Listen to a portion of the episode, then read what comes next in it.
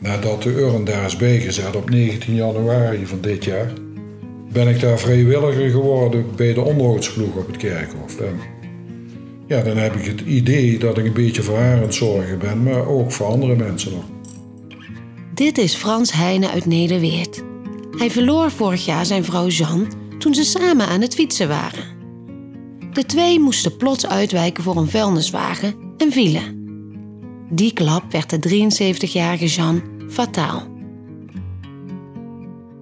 Voor de Limburger deden Rick van Hulst en ik, Judith Jansen, een jaar lang onderzoek naar de verkeersdood in Limburg in 2018.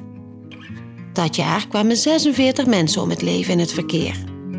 De komende weken vertellen we hun verhalen.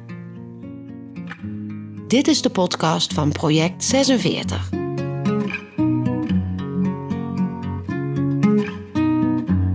In deze eerste aflevering Jan Heine Kessels, slachtoffer 40.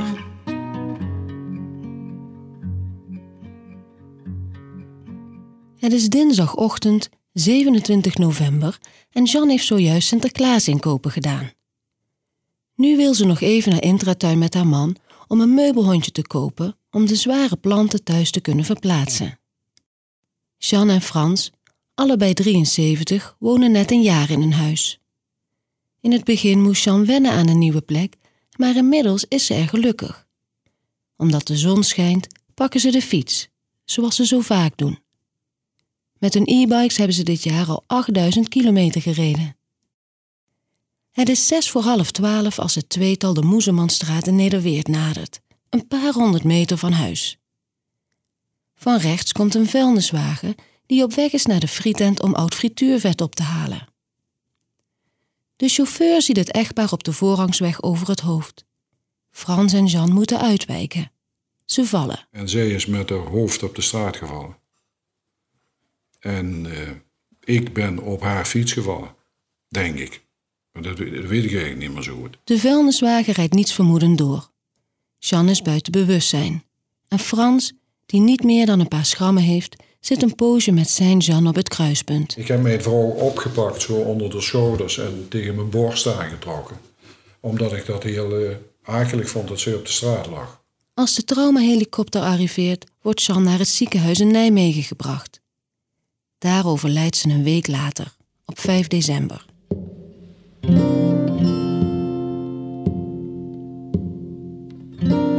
Na het overlijden van hun moeder vragen de kinderen Frans of hij geen hulp zou nemen in de huishouding. Maar Frans wil daar niet aan. Hij wil het doen op de manier waarop Jean het ook deed.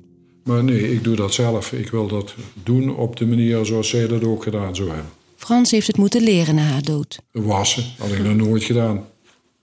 Financiën heb ik me nooit mee bemoeid. Strijken heb ik geprobeerd, maar dat heb ik opgegeven. Ik denk dat je me uit gaat lachen als ik tegen jou vertel dat ik nog nooit gepend had. Nee, dat, daar zorgde zij voor. Ik heb me vaak afgevraagd, Nonda Pie, wat heb ik veel aan haar overgelaten? Jean had het hem nog zo beloofd. Frans mocht eerder sterven. Jean zou zich beter kunnen redden in haar eentje. Ze was een wijze vrouw. Frans noemde haar zijn maatje. Hij herinnert zich nog die dag in het Weerterbos, toen ze samen een dagje gingen fietsen. Ze moest hem plots wat vragen. Zou jij, als ik eerder kom te overlijden dan jij, zou je dan op een prijntje willen zetten? Ik ben er geweest. Ja, en daar heb ik uh, op gereageerd van, dat ga ik eigenlijk niet doen. Maar Jean vroeg hem er toch eens over na te denken. Ze had er speciale bedoelingen mee en dat klopt ook. Die zin typeerde haar, zegt Frans nu. Want ze is er inderdaad geweest. Ze is er heel nadrukkelijk geweest en ze heeft er sporen nagelaten. Jean, het enige meisje in een gezin met zes kinderen, was elf jaar gepensioneerd. Daarvoor werkte ze als bibliothecaresse. Dat was haar lust in haar leven. En uh, ja, het was een hele wijze, geduldige, uh, humoristische vrouw. Jean had een rij boeken van de keuken tot de woonkamer over de Kennedy-clan. Ze wist er alles van. Van Robert en John, van hun ouders, van Jackie, van Onassis. Ze had een fascinatie voor de uitspraak van John F. Kennedy: Vraag niet wat je land voor jou kan doen, vraag wat jij voor je land kan doen. En ze schreef, maar steeds minder, zegt Frans. Ze vond het niet goed genoeg. Gedichten maakte ze onder de schuilnaam Nausicaa, verwijzend naar de dochter van Alkinoos uit het dichtwerk van Homerus. Frans weet nog goed dat ze een keer samen op bezoek gingen bij de oud-directeur van de bibliotheek waar ze werkte. Die had ze 25 jaar niet meer gezien. En wij kwamen binnen en toen zei die Frans, die vrouw van jou, die kon gedichten schrijven. En die begon een gedicht voor te dragen uit zijn hoofd. Prachtig. Frans en Jean waren dan al bijna 50 jaar getrouwd. De verliefdheid was er nog steeds. En ze hadden nog een hele bucketlist samen af te werken. Jean wilde de westkant van de Verenigde Staten zien en Frans wilde nog heel veel fietstochten maken. Ook wilden ze nog veel met de caravan op pad. Met de kinderen en de kleinkinderen hadden ze onlangs nog een reis geboekt naar Edinburgh in Schotland om de kerstdagen daar door te brengen. Maar voor Frans is de lol nu vanaf. Hij heeft de caravan verkocht. Ook de reis naar Schotland is afgezegd. Fietsen doet hij ook niet meer. Dat ga ik niet alleen doen. Ik ga mezelf niet zitten, zitten kwellen. Hij wil het niet meer. Als het niet met haar kan, dan helemaal niet. Hij is vooral veel thuis of bij de kinderen en kleinkinderen.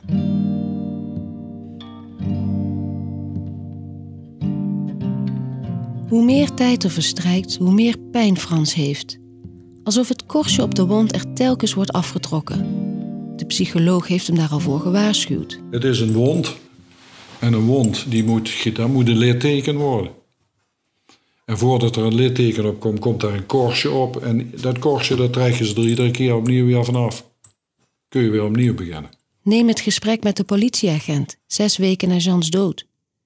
De agent vroeg Frans of ze een helm hadden gedragen en of ze last hadden van een evenwichtstoornis. Dat klonk beschuldigend, alsof de oorzaak bij hen zelf lag. Maar Jean was juist altijd zeer voorzichtig in het verkeer, weet Frans. Misschien wel overdreven voorzichtig. En dat korstje werd er opnieuw afgetrokken toen de campinghouder laatst belde. En dan, dan kreeg je een telefoontje van, komen jullie 1 april? Ja, nee dus, want ze is er niet meer. En dat komt dan wel binnen iedere keer. Wat een gepaste straf is voor de chauffeur of welke die krijgt opgelegd, vindt Frans niet zo belangrijk. Hij weet. Ik krijg mijn vrouw nooit meer terug. De rechter in Roermond spreekt de chauffeur op 4 juli 2019 vrij. Een hele tragische samenloop van omstandigheden met een verschrikkelijk gevolg, noemt de rechter het fatale ongeluk. Het Openbaar Ministerie is het niet eens met de uitspraak en gaat in hoger beroep. Elke dag gaat Frans naar het urnengraf op de begraafplaats. Inmiddels is hij een vrijwilliger geworden bij de onderhoudsploeg. Daar gaat, dus, dus elke dinsdag wordt daar geschoffeld. En ja, dan heb ik het idee dat ik een beetje voor haar aan het zorgen ben, maar ook voor andere mensen nog. Als hij dan bij Jean staat, praat hij met haar. En hij stelt haar vragen. Wat ik dan vraag? Ja, alles waar ik graag een antwoord op heb. En, en iedere keer als ik dat vraag, dan weet ik het antwoord eigenlijk ook. Als je bijna 50 jaar getrouwd bent en lief en leed altijd met elkaar gedeeld hebt, dan, dan weet je ongeveer wel het antwoord. Frans vindt het iets moois om met haar te communiceren. Hij kan zich niet voorstellen dat dit hier op aarde het was. Maar ik hoop dat ik er nog ooit ga ontmoeten. Dat hoop ik van harte. Dus, uh, ja. She left you alone for three days. What on earth were you gonna do? Je hoorde de eerste aflevering van de podcast Project 46, een zoektocht naar de impact van de verkeersdood. Gemaakt door de Limburger. De muziek die je hoort is van Pablo en Luca van der Poel.